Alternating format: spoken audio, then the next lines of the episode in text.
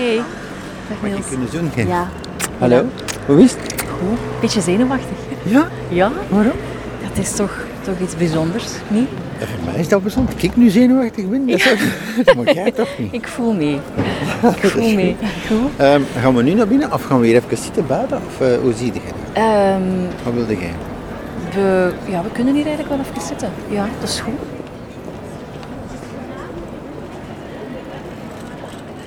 Ben dus al in maanden, dus jaren, hier niet meer geweest. En kom tot de vaststelling dat dat hier heel veel veranderd is. Buiten die plek hier natuurlijk, de Horta, maar eh, heel veel in de straten en zo. Ik heb mij een beetje verder geparkeerd om even in de sfeer te komen zo.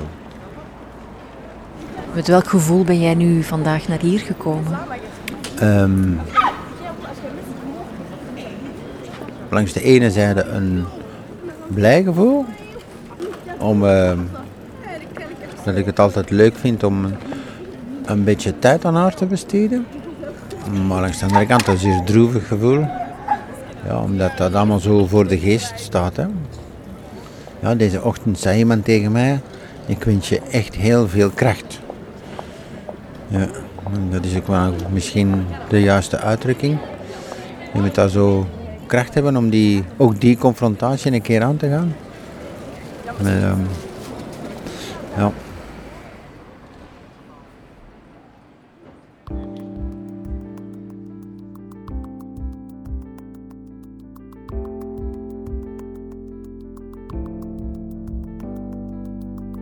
Dit is de tweede aflevering van Anders Nabij. Een podcast waarin ouders vertellen over het verlies van hun kind. Over de enorme impact op wie ze zelf zijn en over de manier waarop zij hun leven toch weer in handen nemen. Het zijn verhalen van verdriet, maar ook van veerkracht en vooral van grenzeloze liefde. Mijn naam is Eva Droogmans en dit is het verhaal van Charlotte.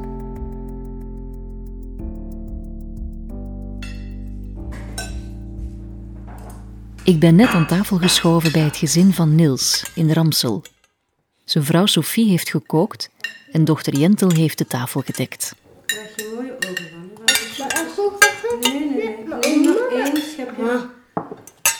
Jentel is negen. Ze houdt niet van rode kool, maar wel van kroketten en gekke liedjes. Nee, Ik zal het zingen en jij voelt het aan. Ik wil je. niet. Blijf bij me. Weg. Val van de trap en breek je nek. We praten over het werk, over de school, over de turnles van Jentel Rond, waag, rekstok, sprong. en over de reden waarom ik daar aan tafel zit. Weet je wie er maandag zou verjagen? De zus van Jens, verjaagt maandag. En wat doen wij meestal op de verjaardag van Charlotte? Twee dingen. En waarom? Een ballon. Niels is vader van drie kinderen. Van Jentel, maar ook van Jens en Charlotte. Zijn twee kinderen uit een vorig huwelijk. Het was een moeilijke scheiding en het contact met zijn twee oudste kinderen was daardoor wat verwaterd. Niels zal zijn oudste dochter tijdens onze gesprekken als een vrolijke tiener omschrijven, die het leven omarmde. Maar Charlotte had ook een kwetsbare kant. Lachen, levenslust, fantasie. Enorme ongebreide fantasie. Ongelooflijk veel verschillende dingen willen leren, willen kennen. Maar langs de andere kant ook een gigantische zelftwijfel. Hè. Als ik heel eerlijk ben, zag ik niet, niet voldoende de, de diepere dimensie daarvan in. Maar ik denk dat ik dat zelf eigenlijk niet goed eh, wist wat dat was, een laag zelfbeeld.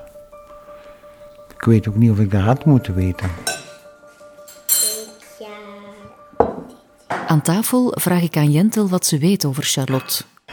Eh, dat dat mijn pluszus is. En dat die al is overleden.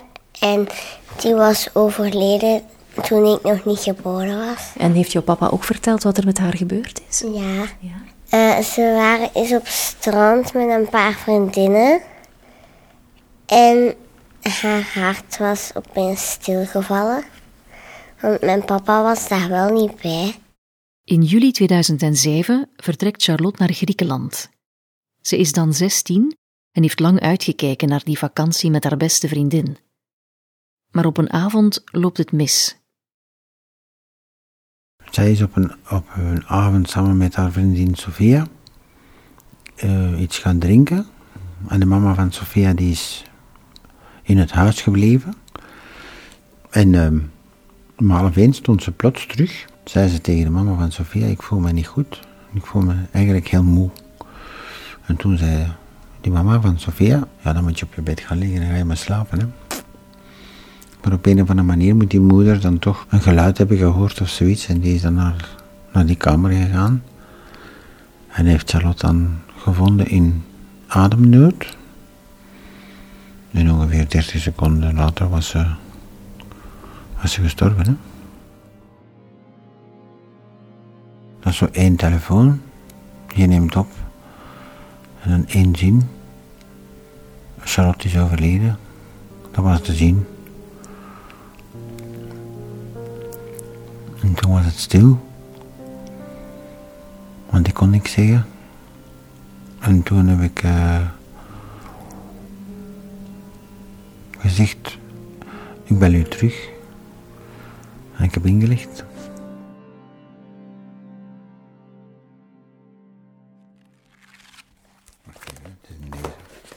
Niels heeft een fotoalbum uit de kast gehaald.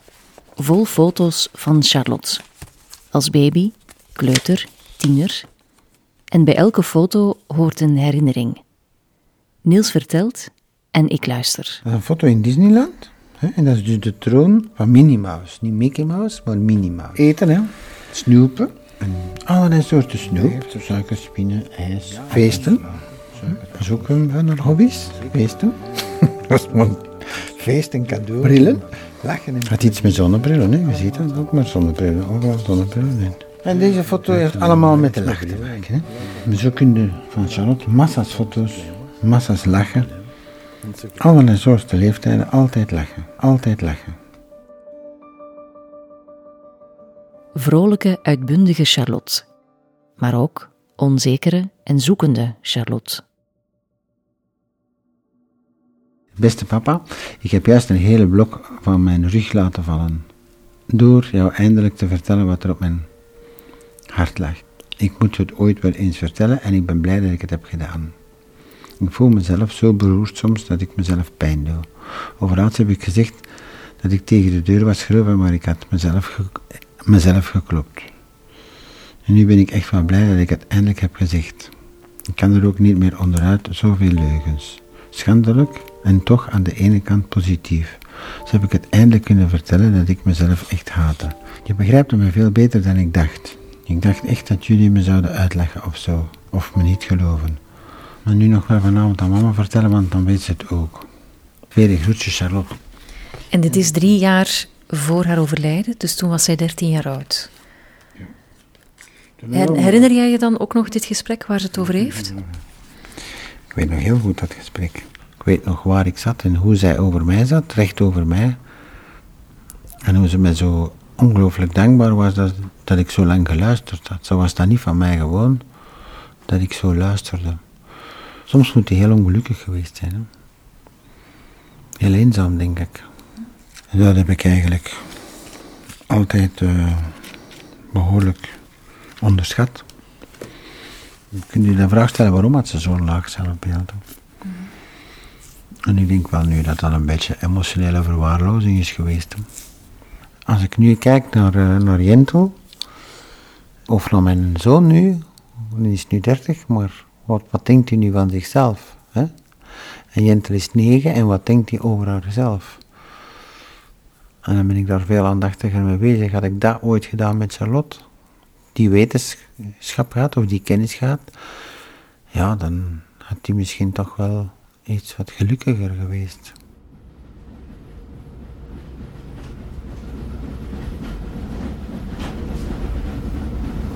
Deze trein heeft nog haltes in Heijsselberg, Lier, Antwerpen, Berchem en tenslotte Antwerpen Centraal als eindstation. Ik wens jullie nog een aangename reis. Ik ben net aangekomen in Antwerpen. Niels en ik hebben afgesproken in het centrum van de stad. Op een plek die hij uitgekozen heeft.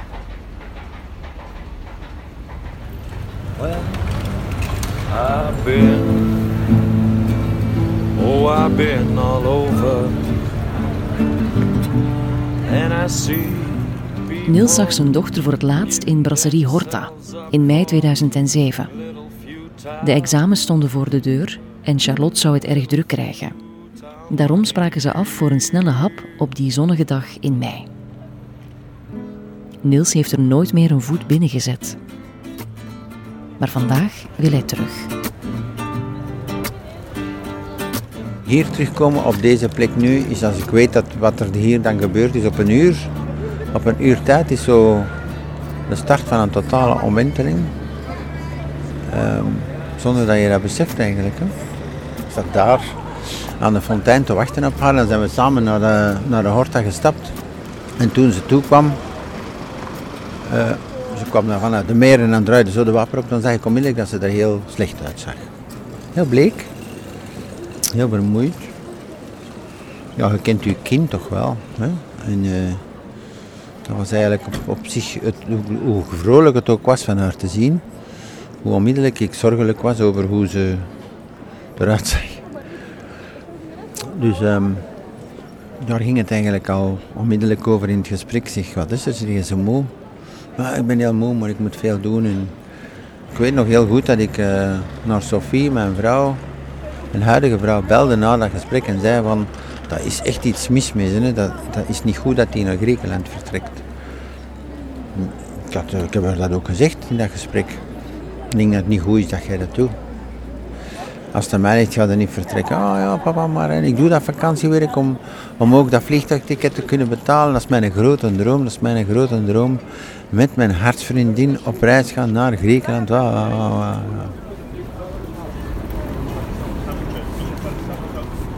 Ja, ik zie ze nog zo voor mij zitten en ik weet nog exact hoe, hoe ze haar maaltijd bestelde. Enzovoort enzovoort. En hoe teleurgesteld ze keek als ze als ik zei van nee, ik vind dat geen goed idee dat je gaat vertrekken. Maar de grootste zorg was, ze zag er toch zo verschrikkelijk vermoeid uit. Achteraf natuurlijk is dat verklaarbaar, omdat ze dus gestorven is aan een hartfalen, omdat dat hart toen al niet goed functioneerde. Hè? Maar zij was naar haar gevoel wel klaar voor de wereld. Oh, zij wou nog zoveel doen. Kon niet snel genoeg. Dat was helemaal Charlotte, alles. Die heeft, die heeft duizend hobby's gehad. Hè. En zij, ja, zij dartelde door het leven, maar het is zo'n danige uitstraling dat ook iedereen... Um, ik altijd gedacht, wat een fantastisch kind is dat. Hè. Ja, altijd, altijd vrolijk, altijd goed gezien, altijd... Ja, de vrolijkheid van het leven. En vooral veel willen proeven, hè. Proeven, proeven, proeven. Zullen we naar binnen gaan? Ja.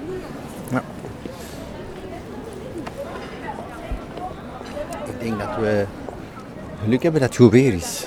Weet dat er weinig mensen binnen dat er zitten. weinig mensen binnen zitten. Allangs daar binnen.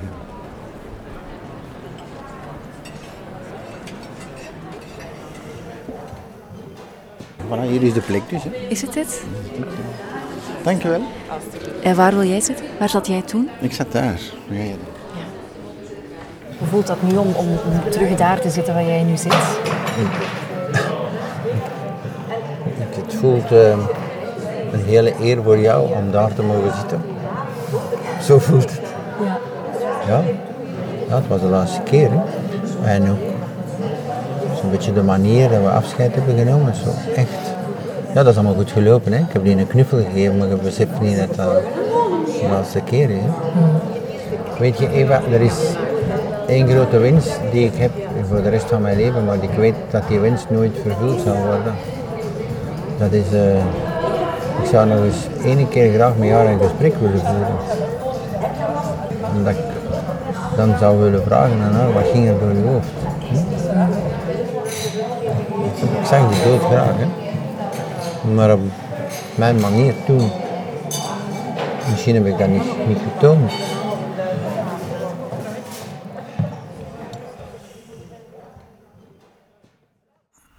Toen ik uh, huis reed, want ik uh, stiek kapot.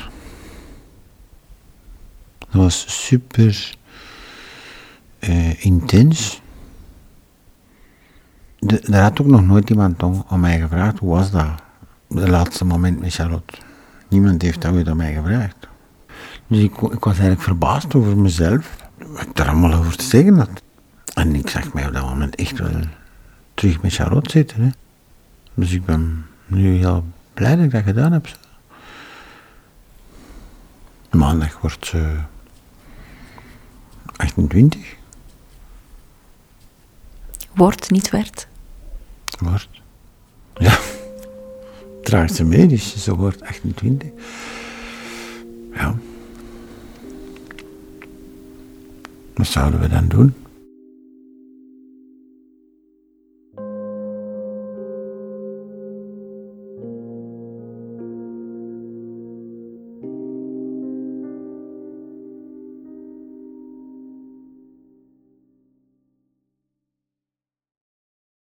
Paar dagen later stuurt Niels me een oud filmpje door. Een filmpje met Charlotte. Ik zie een klein blond meisje met een donzige witte trui en een pyjamabroek. Ze moet een jaar of zes zijn. En ze laat haar ogen glijden over het speelgoed dat de Sint net heeft gebracht. Een roze teddybeer, een boekje en een Barbiepop. Papa, ik heb alles gekregen. Ik heb precies niet alles wat ik daar heb gevraagd, hè? Een simpel Barbie. Je bent een andere Niels. Hè, vanzelfsprekend. Ben je ook een andere papa voor, voor Jentel nu? Nu ben ik blij dat ik eh, voldoende tijd neem om aandacht te besteden aan het papa zijn. Dat is heel hard om in de spiegel te kijken als je zoiets meemaakt als je kind overlijdt, maar je hebt maar één mogelijkheid om, om verder te bestaan. Dat is eerst in de spiegel kijken. En wie zie jij nu staan als jij in de spiegel kijkt? Een zorgzaam moment. Ik zorg graag voor mensen.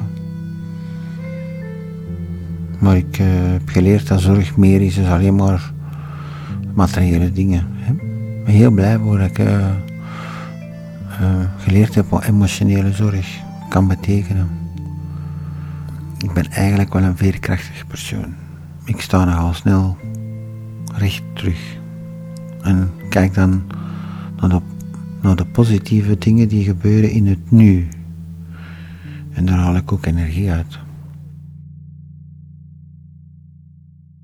Charlotte overleed op 20 juli 2007. Nog geen 24 uur later schreef Niels deze brief aan haar. Een brief aan Charlotte. Die ik zelf geschreven. Toen was ze nog in Griekenland, hè. Mijn allerliefste Charlotte. Ik kan dat niet lezen. Mag ik het lezen? Ja? Als je het kan lezen. Ja. Mijn allerliefste Charlotte, waar ben je nu? Diep in mijn hart was je, ben je en zal je altijd blijven. Ik zei zo dikwijls tegen jou, je bent mijn allerliefste dochter. Dat is wel normaal, hè? Pap, antwoordde je dan, je hebt er maar één. Je leefde zo graag, je, je voelde zoveel, je lachte zo uitbundig, je had zo graag mensen om je heen. Je was zo betoverend. Weinigen wisten hoe moeilijk je het soms had om met al dat om te gaan. Op je laatste verjaardagsfeest schreef ik aan jou: Zing, zing, vecht, vecht, huil, bid, bid, lach, werk en bewonder. werk en bewonder. Hoe vaak? Hoe vaak hebben we dit niet samen in de wagen luidkeels gezongen? Mijn allerliefste druifje, ik zal blijven. Met je zingen, vechten, huilen, bidden, lachen. Bewonderen. Het is raar dat je zo, zoiets schrijft. Ehm nog geen 24 uur later. En nu zijn we 12 jaar verder. Of bijna 12 jaar. En dat klopt als een bus. Hè. Ik zit hier te huilen en soms te lachen. Dus het is eigenlijk formidabel hoe dat je, hoe dat je soms zo juist kunt zijn. Hè? Of zo juist kunt voelen. Later die avond blader ik door het boek Anders nabij en ik blijf hangen bij deze woorden van Niels. Ik draag Charlotte mee doorheen mijn leven. Ze is presenter nu dan vroeger. Ze laat me door haar overlijden bewuster leven. Ik denk vaak dat ze nu fier zou zijn op haar papa. Deze podcast Anders Nabij is gebaseerd op het gelijknamige boek van rouwtherapeute Anne Hoge. Het verhaal van Niels blijft ook bij Anne hangen. Voor mij staat Niels symbool als iemand die gigantisch veranderd is door het overlijden, maar dat hij soms zelf kan zeggen dankzij het overlijden. Er is een, en dat is voor alle rouwenden zo, er is een leven voor het verlies en er is een leven na het verlies. En bij Niels is dat in mijn gevoel heel uitgesproken. Uh, ik denk dat, gelijk dat hij zelf kan zeggen, anderen zou mij niet herkennen als je mij 15 jaar geleden zou gezien hebben. Ik was een, een heel andere mens. waarin dat hem mij heel erg pakt, is ook in mijn eigen persoonlijk ouderschap. Uh, dat je toch wel heel erg herinnerd wordt aan, goh, uh, je moet je kind, allez, je moet de, hoe belangrijk het is om uw kind echt te kennen. Echt te kennen. En, en, we vergeten dat soms in de drukte van ons ouderschap en in de drukte van ons leven en ons beroep. En, maar het, het echt kennen van uw kind, in wie dat uw kind is, in, in zijn unieke of haar unieke zijn. Zo. En daar tijd voor maken en daar heel bewust een tijd voor maken om dat ook te, te uiten of zoiets.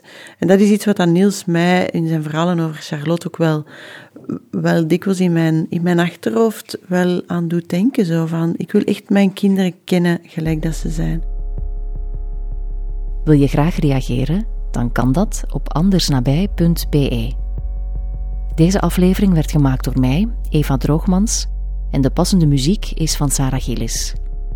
In de volgende aflevering hoor je het verhaal van Toon.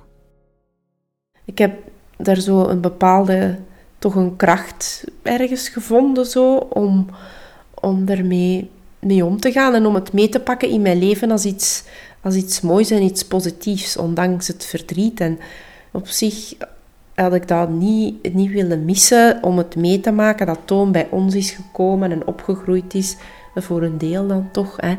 En, en wat dat met zich heeft meegebracht, wat dat ons heeft geleerd, wat dat zijn broers heeft geleerd, wat dat ja, dat is, dat is een, een heel grote rijkdom op zich. Hè?